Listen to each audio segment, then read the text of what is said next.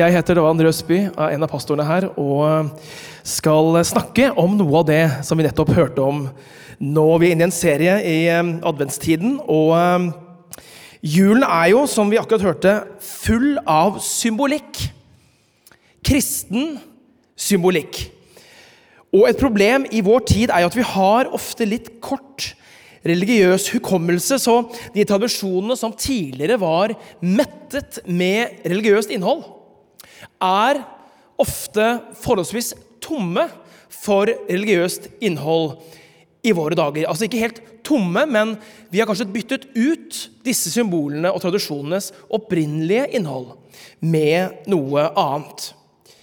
Og diskusjonen rundt hva julen er, og hvor julen kommer fra, det har jo blitt en norsk førjulstradisjon. Og Riktignok ble det feiret fester midtvinters også før kristendommen kom til Norge, men at julen slik vi kjenner den i dag, er kristen, er det lite tvil om. Og Hvis du har lyst til å høre litt mer om eh, jula og julas kristne opphav, og hvorvidt kristne har kuppa jula, så skal jeg gjøre litt reklame. og Da kan dere høre på en podkast som Fredagskirken akkurat har lansert, som heter Vi snakker jula inn. Og Det er eh, kollega Hanne Ovidia Platsen og jeg som eh, møter ulike gjester. Og I den første eh, episoden så møter vi Bjørn Are Davidsen. Apologo, ap, ap, heter det? Ap, apologet. Takk skal du ha. Apologet. Og han er også opptatt av myter. Og det å knekke myter, og kan veldig mye om julas kristne, eller eventuelt ikke kristne opphav. Så sjekk ut den podkasten, og så kan dere kanskje bli litt klokere på det. Men altså, i dagene fram mot jul skal vi snakke om julas symboler. Og vi skal snakke om uh, juletreet, julegaven, julelyset. Og i dag, før vi avslører hva vi snakker om, så skal vi, skal vi, kan vi få opp deg, Lars Ove. Skal vi se her. Vi uh, har en gave her, som du sikkert ser. Og i denne gaven så skjuler det seg dagens tema. Er dere spente? Er dere spente? Så hvis vi sier sånn oh, Ja, det er fint, det. Oh,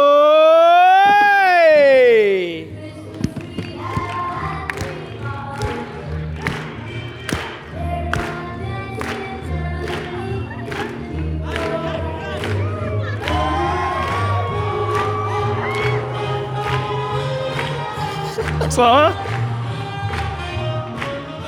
Altså, dagens tema er juletre. Og vi vet jo at når vi gjør ting som dette her, så husker jo dere mye bedre budskapet enn om vi bare prater. Så om du glemmer hva jeg snakker om i dag, så du, husker du i hvert fall dette her ganske lenge. Dette juletreet som så mange av oss drar inn i stua hver eneste jul. Og vi er jo nødt til jeg skal bruke det her litt.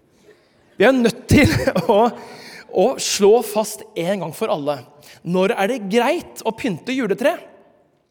Er du en av de som uh, tenker at jula den kan ikke komme tidlig nok? Så jeg er nødt til å pynte juletreet så fort det lar seg gjøre. Jeg kom fra USA for noen uker siden, og når jeg landa der sånn i slutten av oktober, så, så, så var det juletre allerede pynta. Jeg vet ikke om du er sånn som begynner i oktober, eller om du er sånn som begynner sånn cirka midt i jula, som, som, tenker at ja, ja, jeg liker å ha det litt tidlig, ikke for, ikke for, uh, for tidlig. Eller om du er den som holder på tradisjonene og pynter juletre lille julaften. Så Vi skal få ut en poll her på, på veggen her. Eh, er du nummer én så tidlig som mulig, så kan du ta en hånd opp i været. Så tidlig det er én person her. To personer. Tidlig som mulig. Dere begynner, Når begynner dere? 1. november. Det er tidlig. Det er tidlig. Det er i hvert fall ikke oktober, da, men det er tidlig. Eh, nummer to, hvor mange er det som pynter tre sånn midt i desember?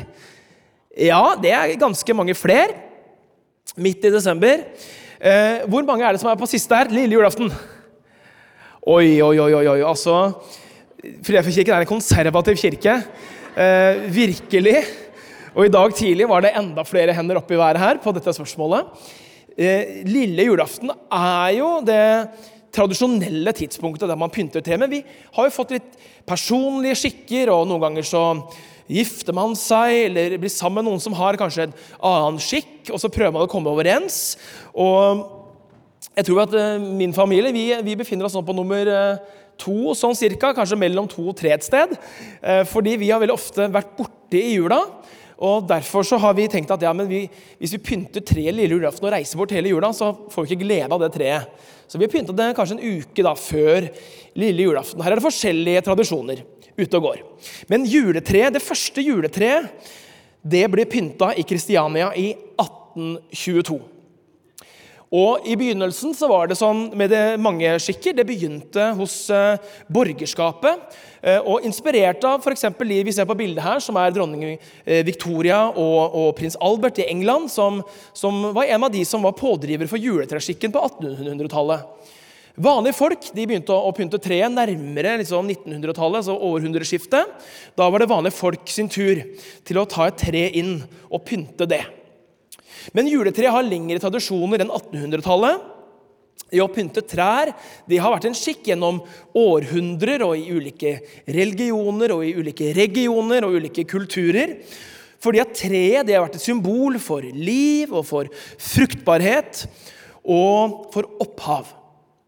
Men juletreet slik vi kjenner det i dag, det sier man kom med reformasjonen.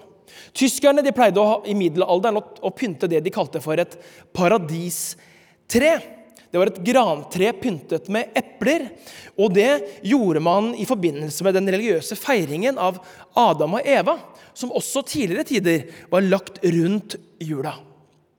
Martin Luther, reformatoren, han kjente nok antagelig godt til dette paradistreet, som var en katolsk skikk. Og det sies at Luther var ute og gikk en kveld, og så fikk han se grantrær mot en stjerneklar himmel. Og så fikk Luther en idé. Han sagde ned et tre, han tok det med seg inn i stua, og så pyntet han det med lys, sånn som vi ser på bildet her. Og Så gjorde han det for å lære barna sine om stjernene som lyste over Betlehemsmarkene da Jesus ble født. Og at Jesus kom til verden som verdens lys. Og med det så sier historien at vår tids juletre ble født. 90% av nordmenn har et juletre i løpet av jula. Noen bærer inn et friskt, grønt tre. Noen har et plasttre. Ja, så mange som én av fire av oss har et plasttre. Og om du har et plasttre eller et ekte tre, ja, så er det i hvert fall et poeng at dette treet skal være, eller i hvert fall forestille, et grantre eller nåletre. Hvorfor det? Jo, fordi at der løvtrær mister løvet om høsten, der holder grantrær eller nåletrær seg grønne gjennom vinteren. Det eviggrønne treet har altså en åpenbar kobling til det kristne eviggrønne håpet om en god framtid. Det håpet som verken kan knekkes av vinter, snø eller kulde. I Bibelen kan vi lese masse om trær. Kanskje ikke akkurat grantrær, men vi kan lese om oliventrær, og vi kan lese om fikentrær, vi leser om palmer og sedertrær, vi leser om mandeltrær, eh, platantrær, kastanjetrær, for å nevne noen. Og trærne de forekommer hyppig også i de bibelske tekstene. og Her er det noen bibelvers vi skal se på. Første Mosebok, f.eks. Der står det at Gud sa jorden skal bli grønn. Grønne vekster skal gro på jorden. Planter som setter frø, og frukttrær som bærer frukt med frø i av alle slag. Og det ble slik. Jesaja 55 sier, 'Fjellene og haugene skal møte dere med jubelrop', og alle trærne på marken skal klappe i hendene. Eller hva med Salme 92, som sier Velsignet, unnskyld, eh, men de rettferdige gror som palmer. De vokser som sedrer på Libanon. Eller Jeremia 17. Velsignet er den mann som stoler på Herren og setter sin lit til ham. Han er ikke et tre som er plantet ved vann og strekker røttene mot bekken. Eller Johannes 15, 5. Jeg er vintreet dere er greinene. Den som blir i meg og jeg i ham, bærer mye frukt. for uten meg kan dere ingenting gjøre. Trærne, skapt av Gud for å fortelle om Gud. Og For meg personlig så er det ingenting som vekker min beundring mer enn å gå i skogen og se opp på trærne. Det gir en ro, og man sier at det hjelper mot stress og mange ulike plager. Det er bare å gå en tur i skogen. Trærne har en helbredende kraft, for det er trærne og naturen som forteller om Han som har skapt dem. Og Vi ser her at Bibelen snakker om trær, og noen trær er viktigere enn andre trær. Ja, faktisk, hele frelseshistorien kan oppsummeres i noen trær. Og Vi skal snakke om fire trær i dag. Det første treet de er livets tre. I åpningskapittelet av første Mosebok så skaper Gud mennesket, og Gud sier, 'La oss lage mennesket i vårt bilde, så de ligner oss'. Og det greske ordet for 'ligne', det er eikon, eller det vi på norsk kaller for ikon. Og et ikon betyr et hellig bilde av Gud. Så mennesket er altså skapt for å ligne, altså eikon, ligne Gud. Mennesket er skapt for å være et hellig bilde av Gud. Så vi reflekterer skaperen. Vi har vært skapt av skaperen. Så reflekterer vi Han som har skapt oss. Og dette var noe som var helt annerledes enn alt det andre som Gud skapte. Gud sa ikke dette om dyrene eller sjiraffene eller bavianene eller slangene. Nei, han sa det om menneskene. At vi skulle reflektere ham. Og så skapte ikke bare Gud oss som sitt avbilde. Men Gud skaper også et sted for oss der vi kunne være sammen med Gud. Det Bibelen kaller for Edens hage. Og Så gir han mennesket forvalteransvar over denne hagen.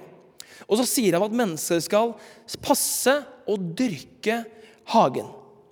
Og så står det første Mosebok 2,9. Herren Gud lot alle slags trær vokse opp av jorden, forlokkende å se på og gode å spise av. Og midt i hagen livets tre. Livets tre høres litt sånn mystisk og litt mytisk og kanskje litt magisk ut. Og Vi finner tilsvarende sånne livets trær i mange religioner og i mange mytologier, som f.eks. gresk mytologi og til og med også norrøn mytologi. Men hva er livets tre i en bibelsk sammenheng? Bibelens forfattere de framstiller denne hagen som et slags tempel. Og midt i denne hagen, altså i sentrum av hagen, så finner vi det aller helligste. Og det aller helligste er det stedet der Guds nærvær befinner seg aller mest intenst til stede. Og i midten av denne hagen, altså dette tempelet, så står det altså noe som kalles for livets tre. Og livets tre, det var der både livet og fellesskapet fløyt ut fra. Et tre kjennes på dets frukt, sier vi ofte. Og frukten av livets tre, det var Guds evige liv. Og mennesket, står det, mennesket fikk spise av treets frukter. Og ved å spise av treets frukter så fikk de del i det evige livet. Og fellesskapet mellom Gud og mennesker ble opprettholdt. Men det skulle ikke vare. For det kommer inn et tre nummer to. Kunnskapens tre. Og Det står i 1. Mosebok 2, 16-17. Og Herren Gud ga mennesket dette budet. Du må gjerne spise av alle trærne i hagen. Men av treet til kunnskap om godt og ondt må du ikke spise. For den dagen du spiser av det, skal du dø. Så livets tre kunne mennesket spise av, men det var ett tre de ikke fikk spise av, og det var kunnskapens tre. Og det treet vi nå møter, er det motsatte av det første treet. Det er det motsatte av det eviggrønne håpet, det treet som gir liv. Det treet som betyr et fellesskap mellom Gud og mennesker. Nei, dette treet, kunnskapens tre, representerte det motsatte. Ikke bare representerte det det motsatte, men Gud sa at den som spiser av det, skal dø. Og kunnskapens tre står som selve kjernen i det vi i kristen teologi, teologi kaller for det ondes problem. Fordi hvorfor plantet Gud et tre i hagen som Adam og Eva ikke fikk spise av? Særlig når Gud visste at de antagelig kom til å spise av det. Og hvorfor skulle de ikke dø dersom de spiste av det? Er ikke kunnskap egentlig livgivende? Og kunnskapen om godt og vondt, det å skille mellom godt og ondt, det er vel en kunnskap vi alle egentlig trenger? Eller? Det ser ut til at Gud helt fra begynnelsen ga oss to kilder til kunnskap om sannheten. Og Den første kilden han ga oss, det var han selv. Den andre kilden til kunnskap, det er oss selv. Og så ble mennesket skapt til å velge. Vi ble skapt med en selvstendighet og en frihet til å velge. Og med den friheten så fikk vi også frihet til å velge vår kilde til kunnskap. Vår kilde til sannhet. Vi kunne søke Guds sannhet, vi kunne høre Hans ord, vi kunne følge Hans bud. Eller vi kunne søke vår egen sannhet i oss selv. Og mennesket valgte det siste. De ville tenke sjæl, som Trond-Viggo synger. Og så spiste de frukten av kunnskapens tre. Og det er jo rart eh, med oss mennesker hvor spennende det er å gjøre noe som, som egentlig er forbudt. Altså, Hvis noen sier f.eks. til deg 'ikke se', da må du jo bare se, ikke sant? Eller om du kommer til en politisperring, og en litt sånn brysk politimann sier 'her er det ingenting å se', så betyr det hva da? At det er mye å se. Ikke sant? Så Gud burde kanskje egentlig brukt en slags motsatt psykologi. At han burde sagt liksom, ja, bare spis, kom igjen, det er kjempespennende, kjempegodt. liksom. Da ville kanskje mennesket ikke Jeg vet ikke, det er bare en selvfølgelig vill tanke fra min side. Men, men det er sånn at det som er forbudt, er ofte det mest forlokkende. Og sånn var det også for Adam og Eva. Gud sa, 'Ikke spis av treet', og de spiste. Og hva gjorde de etter at de spiste? Jo, de gjorde det som ethvert barn gjør når de har gjort noe dumt. De gjemte seg. Og hvor gjemte de seg? Jo, det står at de gjemte seg blant trærne i hagen. Og så dekket de seg til, står det, med fikenblader og bandt dem om livet. Adam og Eva hadde spist av kunnskapens tre. Hva slags kunnskap var den første kunnskapen de fikk? Jo, det var kunnskapen om at de var nakne. Og nakne hadde de vært hele tiden. Men ikke før nå forsto de at nakenhet var forbundet med noe negativt. De kjente på en skam. Adam og Eva gikk, fra, gikk til å bli guder i eget univers, og de lærte seg forskjellen mellom godt og ondt gjennom sin egen ulydige handling. Og resultatet? Ikke mer kunnskap, ikke mer frihet, men mer skam. Så nå hadde Adam og Eva spist av kunnskapens tre katastrofe. Og nå, etter det de hadde spist av kunnskapens tre, så kunne de komme til å spise av livets tre. Enda større katastrofe. Så Gud gjorde noe for å beskytte dem mot å spise fra, fra livets tre. Det står i 1. Mosebok 3.: Herren Gud sa, Se, mennesket er blitt som en av oss og kjenner godt og ondt. Bare det nå ikke strekker hånd ut og tar av livets tre også, så du spiser og lever evig. Herren Gud sendte mennesket ut av Edens hage, og øst for Edens hage satte han kjerubene og det flammende sverdet, som svinges uten stans. De skulle vokte veien til livets tre. Dette er jo voldsomt midt i adventstiden, tenker jo du. Ja, det er voldsomme greier. For Gud kaster ikke bare mennesket ut av hagen, men han beskytter hagen med kjeruber og med flammende sverd. Ja, det er jo rene science fiction-filmen. For Gud vet at dersom mennesket spiser av livets tre nå, så blir også forbannelsen fra kunnskapens tre evig. Og han stenger altså mennesket ute fra Edens hage for å beskytte mennesket mot seg selv før den endelige katastrofen er et faktum. Veien til livets tre er stengt, men treet er ikke glemt. Og Gjennom hele bibelhistorien så ser vi at minnet om dette treet blir holdt levende. Bl.a. ved at forfattere og diktere bruker treet som et mektig symbol, et håp for framtiden. Det treet vi en gang skal få spise av, den gangen vi en gang skal få komme tilbake til hagen.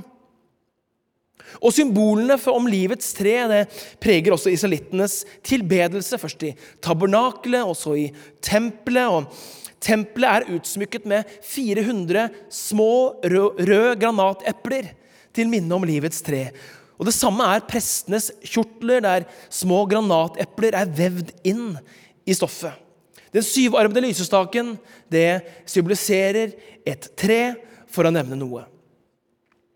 Og minnet om livets tre satte også israelittene på samme valg som Adam og Eva. Skulle de følge Guds bud og Guds tanke og Guds vilje? Eller skulle de følge, følge sine egne lyster og sin egen sannhet og sin egen vilje? Og det samme valget som israelittene ble satt på, det settes også du og jeg på daglig. Men vi har et tredje tre. Korsets tre.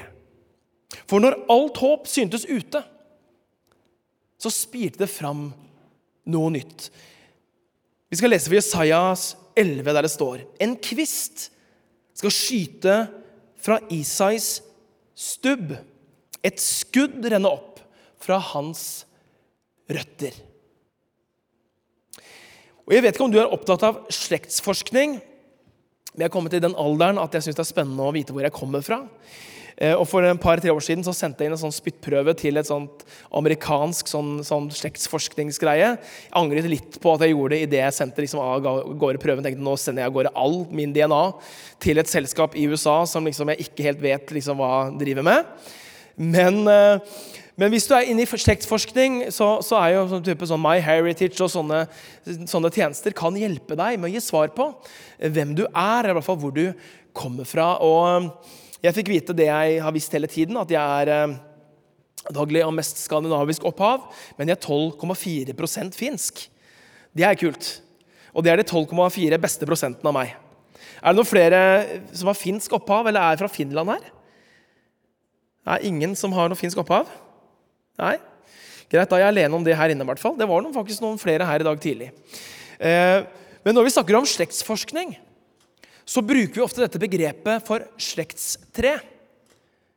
Og så har denne slekta en stamme, og så er det ulike greiner på dette treet, der man kan se hvilken grein tilhører jeg, og hvilken stamme kommer den greina ut ifra. Og mange århundrer før myheritage.com så beskriver altså Jesaja slektstreet på denne måten. At det var en kvist som skjøt ut fra Isais stubb. Det er altså snakk om et slektstre, men det var bare en stubbe igjen av dette treet. Det var blitt hogd ned. Det hadde gått galt. Den slektslinjen som en gang var, den hadde blitt kuttet ned. Og så var det kun en stubbe igjen. Og Jesaja han bruker dette som et bilde på Israel. Asyrerne hadde fart ille med israelittene, og nå var en stubb alt som var igjen av det en gang så stolte tre som var kong Davids slekt. Kong Davids rike. Isai, som vi ser her, han var altså Davids far. Og regnes dermed også som Jesu forfar, fordi Bibelen sier at Jesus var av Davids hus og ett. Men det spirer nå altså fram fra denne stubben. Og til tross for Israels håpløse situasjon, så spirer håpet fram. Selv om det ser håpløst ut, så skjer det noe. For ut fra den døde, eller tilsynelatende døde stubben, så kommer det nytt liv. Derfor så blir barnet født. Og Han blir ikke født hvor som helst. Han blir født i Davids by, Betlehem, på de samme markene som antagelig David gikk og gjette småfe tusen år tidligere. Og Så blir han født inn i Davids slekt. Og så blir han lagt i en krybbe, en krybbe av tre.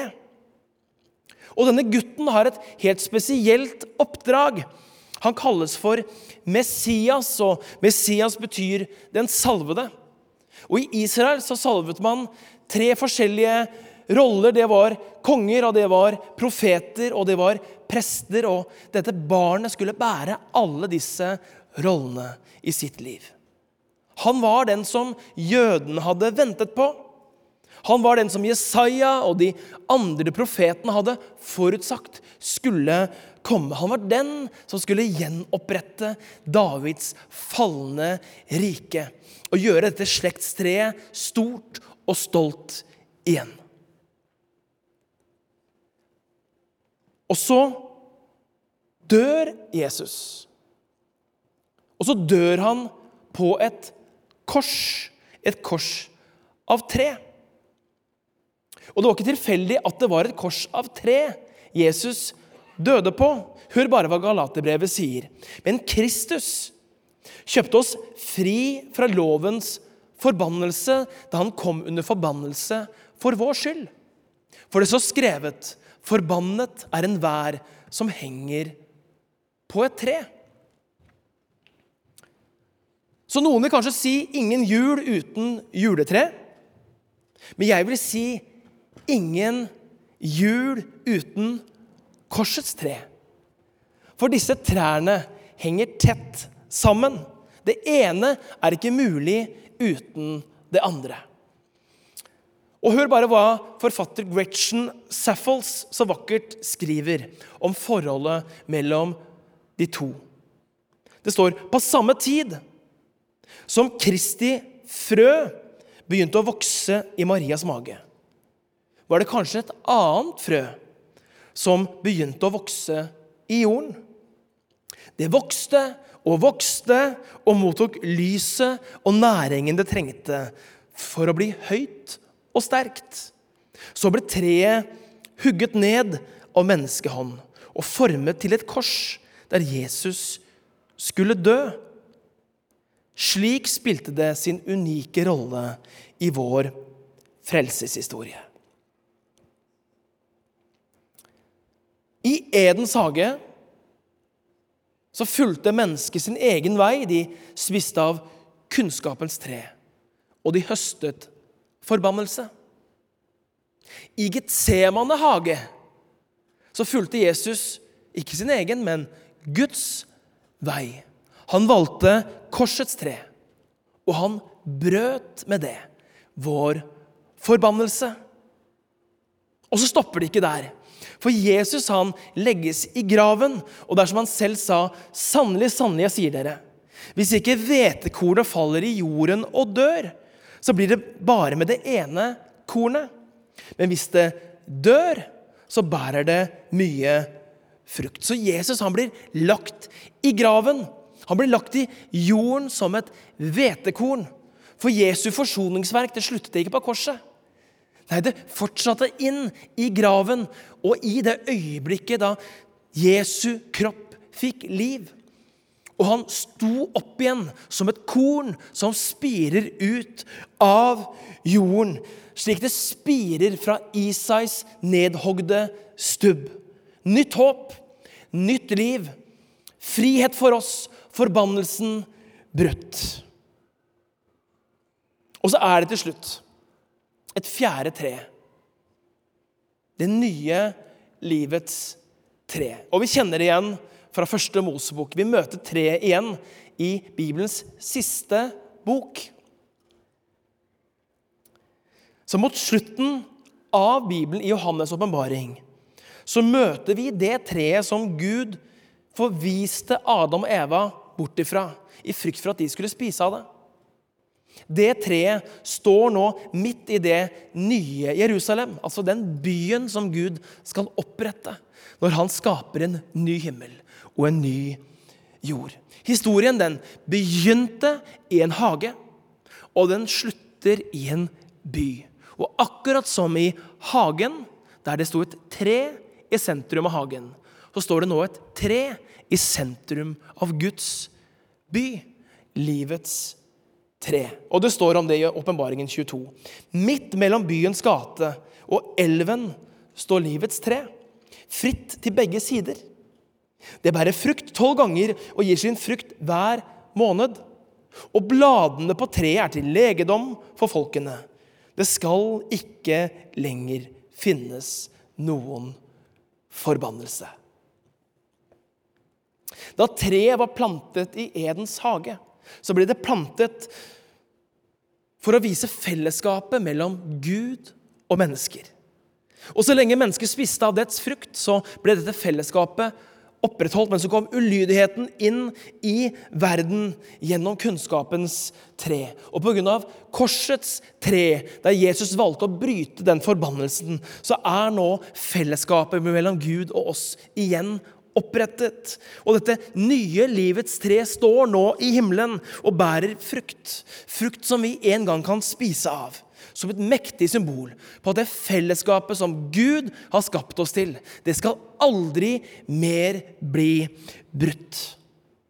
Og Dette treet er også oppfyllelsen av ordene Jesus sa i Johannes 11. Da han sa at hver den som lever og tror på meg, skal aldri i evighet dø. Det er altså Jesus selv som er det nye livet. Det er Jesus selv som er livets tre. Og hver den som spiser av den frukten han vil gi oss, han skal få evig liv. Og da er det som Trevor Lawrence har sagt, at den eneste veien tilbake til livets tre er å tro på ham som hang på dødens tre. For mellom det første og det siste paradiset så står det et nakent kors av tre. Skammens tre der Jesus hang. Og på dette treet så strakk Gud selv ut sine armer som grener for å forsone oss med ham, så vi alle kan forenes med Gud og få del i det evige livet livet. Så dere, det er bare å begynne å pynte tre. Sett i gang, fordi treet er et fantastisk symbol. Juletreet minner oss om dette håpet vi har i ham. Og hver eneste jul så trekker altså 90% av oss inn et juletre i stuer og i hjem. Et juletre som minner oss om frelseshistorien om hvordan Gud gjorde alt han kunne for å gjenopprette den feilen vi en gang gjorde. Tenk så utrolig vakkert. Et eviggrønt tre midt i den kalde vinter. Et eviggrønt tre som forteller oss om det eviggrønne håpet i Jesus. Det håpet som aldri kan dø, og som ingen sorg eller smerte eller vinter eller kulde noen gang kan knekke. Det var et tre som ble menneskets fall, og det var et tre som ble menneskets frelse. Og fordi Jesus lot seg korsfeste til korsets tre, så kan vi komme ut av hjemmestedene våre mellom trærne. Og vite at skammen er tatt bort, og at vi kan bli en del av ham som kalte seg vintre. At vi er grener, og at vi blir, har blitt podet inn på dette slektstreet, på denne stammen som er Jesus Kristus selv. Han som er det evige livet. Amen. La oss be sammen. Vi takker Jesus Kristus for at uh, du er livet. Og takker Jesus for at du lengter etter fellesskap med oss. Og hvor enn vi er og hvor vi befinner oss i livet, kanskje vi kjenner at vi er nær deg, kanskje vi føler at vi er kommet på avstand fra deg, så er du den Gud som alltid søker fellesskap. Du er den Gud som alltid søker å fjerne den avstanden som vi har. til deg. Takk, Herre, for at veien tilbake til deg alltid er kort. At om vi enn går, en går tusen skritt eller tusen kilometer vekk fra deg, så er veien tilbake til deg alltid like kort. Så Jeg ber for hver enkelt nå her inne i ettermiddag, Herre, som kjenner at de har kommet på avstand. Takk for at du tar oss imot. Og alt du ønsker å høre, er Jesus. Alt du ønsker å gjøre, er å ta oss imot. Og alt du ønsker å gjøre, er å gjenopprette relasjonen med oss. Når det ser håpløst ut, når det kanskje ser ut som det er bare en stubbe igjen, så finnes det liv, og så finnes det håp. Og det takker vi deg for, Jesus Kristus, at ingenting er gått for langt. Ingenting er for dødt. Ingenting er for håpløst for deg. Men selv i det mest håpløse så spirer håpet, og så spirer livet fram. Det ber vi om og takker vi deg for. I Jesu navn. Amen. Du har nå hørt en podkast fra Filadelfia-kirken i Oslo. Vil du vite mer om oss, gå inn på filadelfia.no. Og ikke minst velkommen til å feire gudstjenester med oss hver eneste søndag, enten fysisk eller online.